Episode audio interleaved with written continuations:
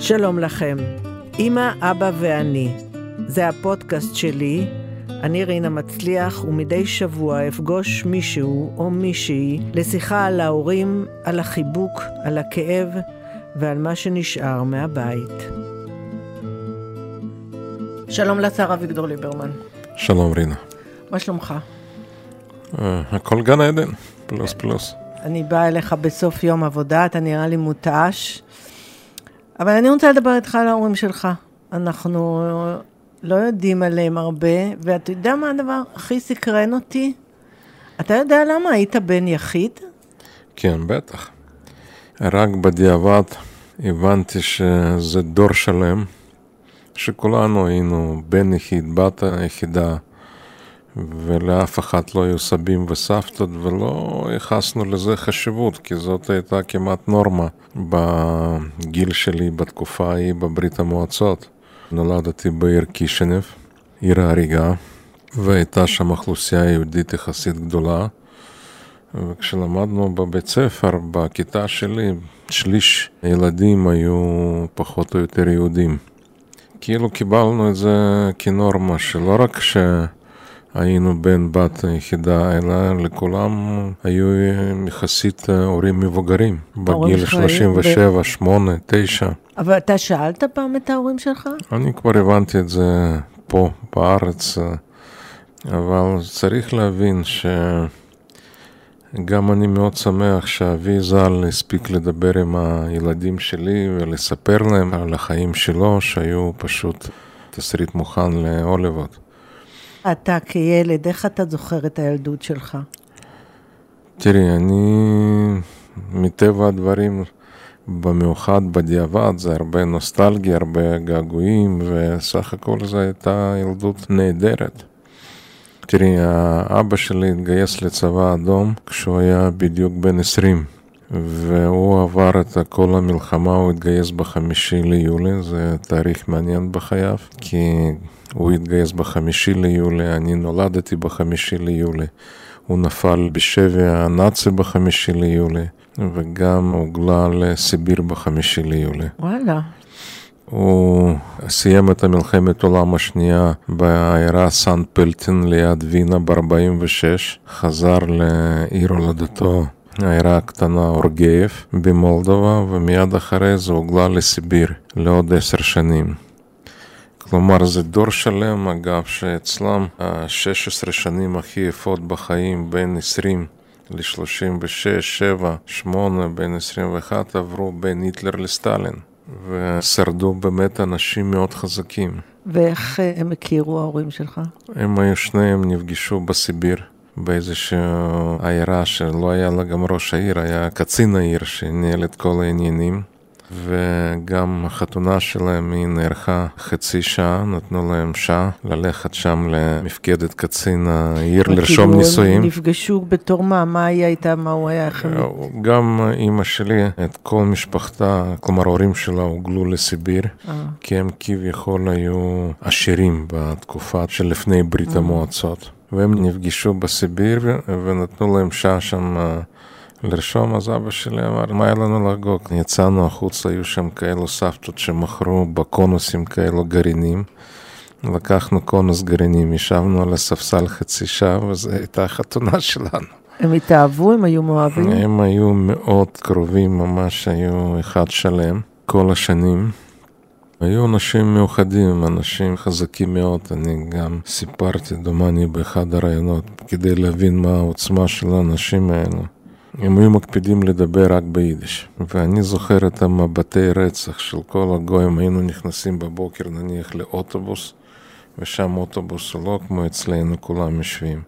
הכל דחוס, היו נכנסים במקום, אני יודע, 40 איש, 70 איש, 75, וכולם מדברים רוסית או רומנית, ופתאום שלושה אנשים, שני מבוגרים וילד, בקול רם מדברים ביידיש ביניהם. בכוונה. אותו הם מעולם לא הסתירו את זה ודיברו כל הזמן, גם בבית, גם בחוץ וגם איתי, ואתה ראית את המב... כולם מביטים בך. וזה הפריע לך? לא, אבל אני הרגשתי משהו לא נוח כזה, הבנתי שאנחנו שונים. ובדרך כלל היו עוד פעם כל מיני הערות וצרחות וצעקות, וכמעט היה מדי פעם נגמר שם בתגרה בתוך אוטובוס. זה, אבל היו מאות עקשנים כאלו. מעולם לא ויתרו על היהדות הרי. היית ילד מפונק? לא, אני ממש לא הייתי ילד מפונק, למרות שההורים שלי שם חיו טוב מאוד, כלומר, שניהם עבדו במסחר, ויחסית לברית המועצות הרוויחו איזה מסחר?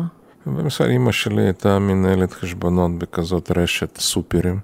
כמו כאלו חנויות מזון כאלו גדולות, ואבא שלי היה מנהל של גם כזה סופר באזור כפרי, והיו בסדר. הם היו כאלה שמביעים רגש?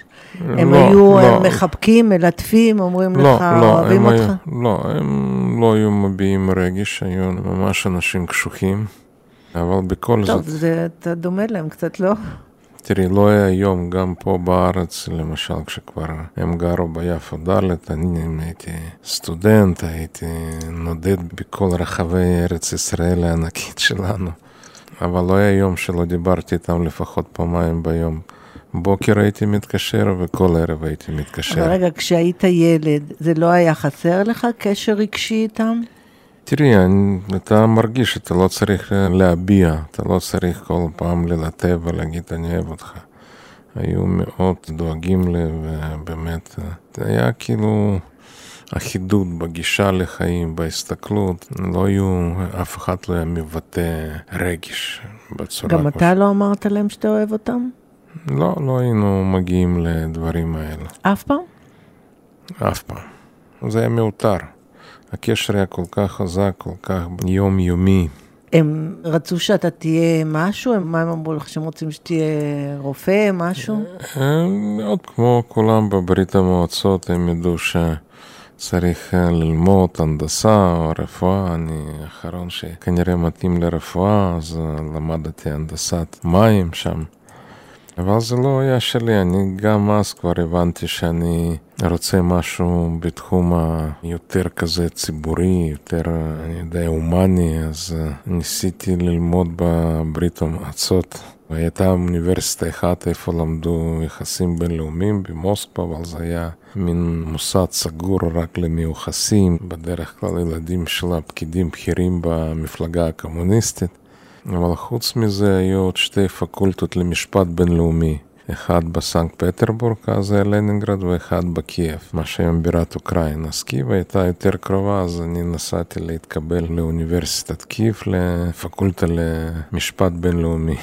התקבלת? אני זוכר ששם מין הייתה פרוצדורה שקודם אתה מגיש מסמכים ורק אחר כך מבחנים. המיון הראשון זה הגשת מסמכים. אז כשהגשתי מסמכים, אחת מקומית כזאת אוקראינית, לדיני, שורשית. שורשית, גבוהה, שיער ארוך, עמדה מולי ושם המון אנשים מסביב, וקוראת בקול רם. ליברמן, אדוני הצעיר, אתה לא מבין שזה אוניברסיטת טרס שבצ'נקו על שם שבצ'נקו ולא שלום עליכם? וככה זרקה לי את בפרצוף מסמכים בחזרה. באמת? איזה שנה זה היה? זה היה שנת 76 לדעתי, 75, 76, אז ככה. לקחתי את זה ויצאתי מושפל, בלי יכולת להגיד מילה. תגיד, כן. ובן כמה היית כשעליתם לארץ? הייתי בדיוק בן 20. והיה להם קשה להורים? להורים לא, כי הם כבר ראו הכל בחיים, את מלחמת העולם השנייה וסיביר ותקופות קשות. הם דווקא אבל הם לא... התפרנסו פה? אמא מיד עבדה כמנהלת חשבונות, מיד קיבלו אותה למשביר לצרכן, אני זוכר, ברחוב סלאמי אז ביפו. ואני נאלצתי יום למחרת, סידרו לי עבודה סבל בשדה תעופה בן גוריון ואלעל. והייתי מאוד מבסוט, כי אז יחסית לעולה חדש שילמו כסף טוב, וגם הטייסים מדי פעם היו שם ככה מחלקים תלושים לארוחות צהריים שם, במין חדר אוכל של אל הזה. ועד איזה גיל גרת איתם? כמעט אה, מיד אה, התחלתי, עוד פעם גרתי ביפו ד' איזושהי תקופה קצרה, ומיד התחלתי לנדוד. הייתי בקיבוצים, באולפני קיבוץ, בכל מיני, אחר כך אולפן של הסטודנטים בבאר שבע, בבן גוריון, שמרכז הנגב זה היה כאילו הכי חדיש. מרכז הנגב, וואי, אתה יודע, ברחוב מצדה גרנו שם גרתי, אני גרתי בדרך מצדה. אה, גרת במצדה? הייתי עוברת משם בדרך לבית ספר כל בוקר וכל אז אני צהריים. הייתי הולך ברגל. אבל. אז אני כבר גם לא הייתי בתיכון, כי אנחנו פחות או יותר אותו מחזור באוניברסיטה. כן, אבל אז שם הייתה המון סטודנטים עולים בני אור באזור Mm. מצדה, אז היינו הולכים. תגיד, וכשהיית בפוליטיקה, הם... אמא מאוד אה, לא אהבה את העיסוק הפוליטי דווקא, אבא כן מאוד אהב, היה מאוד גאה. אה, אה, פעם ראשונה הגיעו לכנסת, כבר שניהם היו מאוד גאים שאני חבר כנסת, ואחר כך פעם ראשונה שהתמניתי ב-2001 לשר התשתיות, אז הם הגיעו גם לטקס כניסה לתפקיד בבניין שערי העיר פה בירושלים. ומה הם אמרו לך? כבר אה, אפילו אימא השלימה, שאימא אמרה לי, מה אתה צריך פוליטיקה, לך תהיה פקיד בבנק, תראה איזה ג'וב טוב בבנק, אתה יושב, יש לך שעות מסודרות. אבל בסוף הם היו גאים בך. מאוד. והם הספיקו לראות אותך ממלא תפקידים. הם הספיקו לראות אותי שר התשתיות, ואחר כך גם שר לעניינים אסטרטגיים. וכשהייתה ביקורת נגדך? קיבלו את זה עוד פעם, הבינו שזה... אי אפשר לקבל רק תשואות כפיים, בטח. לא התבאסו? לא, אני מניח שהיו שם. התבאסו בטח. ב-96 כשנכנסתי לתפקיד מנכ"ל משרד ראש הממשלה, אז היה באמת מין uh, פסטיבל של אבסורד uh, שמה לא כתבו עליי. זה פשוט סוכן. סוכן, נציג מאפיה. נו, הם שמעו את זה וזה לא כאב להם? כאב להם, אבל קיבלו את זה. את הדבר הספציפי הזה? כן, כן, בטח. אה, אבא שלי היה בית"רי מלידה, הרי הוא גדל בבוקרשט, ואחר כך כשהנאצים, גנרל אנטונסקו תפס שלטון ברומניה, אז חלק מיהדות אה, בוקרשט אה, ברחו לתוך ברית המועצות, בסרביה, מולדובה. אז הייתה משפחה מאוד ציונית, ההורים שלי הקשיבו לכל ישראל בשלוש שפות מהבוקר עד הערב. כל ישראל, אז גם ברוסית, גם ברומנית, גם ביידיש. ביידיש. כן, אז הם בשלושת השפות היו מקשיבים כל הזמן. הם הצליחו ללמוד עברית? אה, כן, אבא קצת יותר טוב, אמא פחות טוב, אבל הסתדרו. והם המשיכו להיות אוהבים, מחוברים? מאוד, עד רגע האחרון, גם קבורים זה לצד זה ליד זה. באמת היו אנשים אה, מאוד אה, אתה חזקים. מתגעגע אליהם? מאוד. מתי במיוחד? יש הרבה רגעים, אני גם uh, בשנים האחרונות תופס שאני הרבה פעמים גם חולם עליהם. חולם? כן, הרבה פעמים.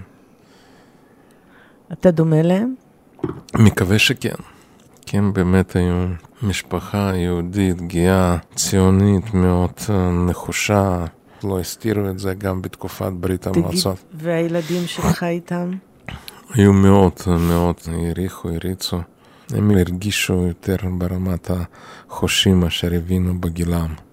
אבא הספיק לספר להם כל הסיפור, איך הם ברחו מרומניה ואיך הגיעו לברית המועצות ואיך הוא התגייס ויחד עם אחיו, והרי הרוסים, הצבא האדום לא רצה לגייס את המקומיים, כי מולדובה למעשה סיפחו אותה רק בשנת שם 39 לברית המועצות כחלק מהסכם מולוטוב ריבנטרופ, ולא סמכו על המקומיים. אז הוא ואחיו הגיעו שם ללשכת הגיוס ואמרו, אנחנו יהודים ואנחנו רוצים להילחם בצורר הנאצי, היה להם כבר מיד ברור, כשאז עוד לא ידעו ממדים של השואה, של האסון, אבל הם אז הבינו ושניהם עמדו על כך, לא רצו לעזוב עד שהתגייסו אותם.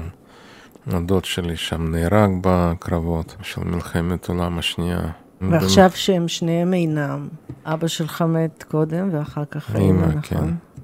כשאתה מתמנה לתפקיד חדש, או באמת, נגיד עכשיו, אתה חושב, אתה מצטער שהם לא פה לראות את זה. א', כמובן אני מצטער, אבל אני בטוח שהם הבינו מה יהיה הדרך ומה הכיוון. הם היו מאוד גאים.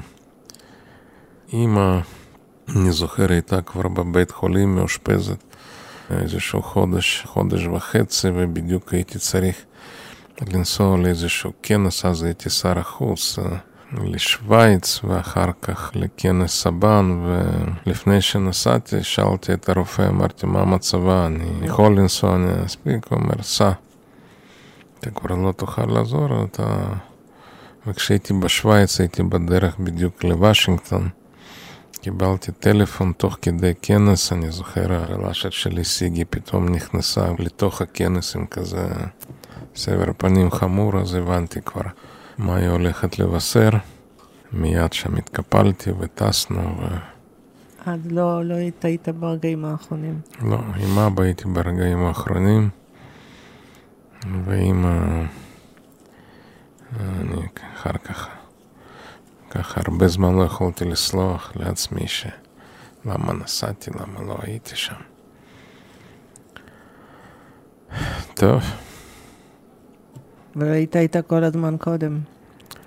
כן, אבל אני תמיד uh, השתדלתי כמה שיותר לבקר, לקפוץ, לפעמים אפילו לחצי שעה, לשעה, כי אני רציתי להעביר בזמנו, קניתי בית לידי, בנוקדים.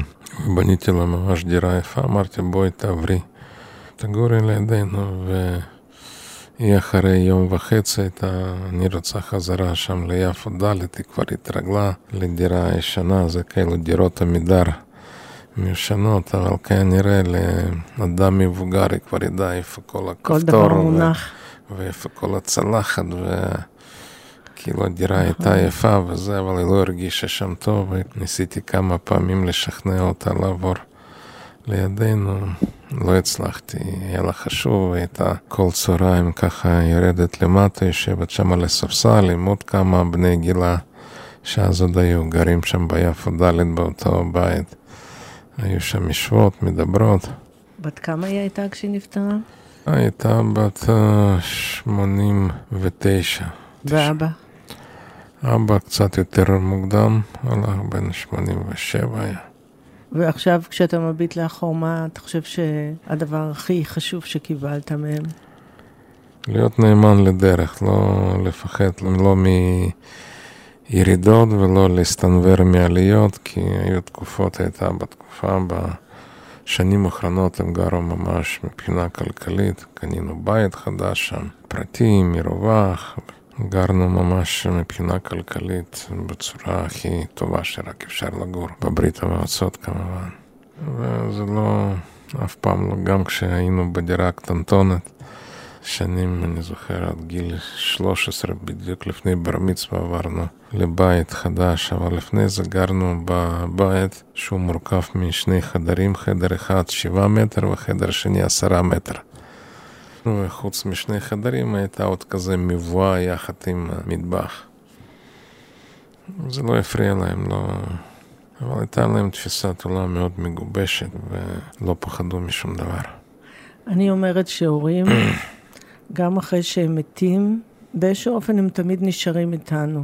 כן, חד וחלק. נכון? כאילו, הם תמיד פה איפשהו. אני מרגישה את זה גם. ככה אני מנחמת אנשים שההורים שלהם נפטרים, כי אני, אני מרגישה גם שההורים שלי כל הזמן עוד איתי. תראי, אצלי זה קשר חזק במיוחד, כי הייתי גם בן יחיד, וגם כאילו, באמת, לא היה יום שלא דיברתי איתם פעמיים, וגם כשהייתי מאוד עסוק כבר בתפקידים בכירים, תמיד הייתי מוצא זמן לקפוץ שם, קצת לשבת עם אמא. ו... הייתה תקופה, תקופה אחרת. אז נרים כוסית לזכרם. לא, לזכרם אף פעם לא. אבל לא עושים. למדתי משהו.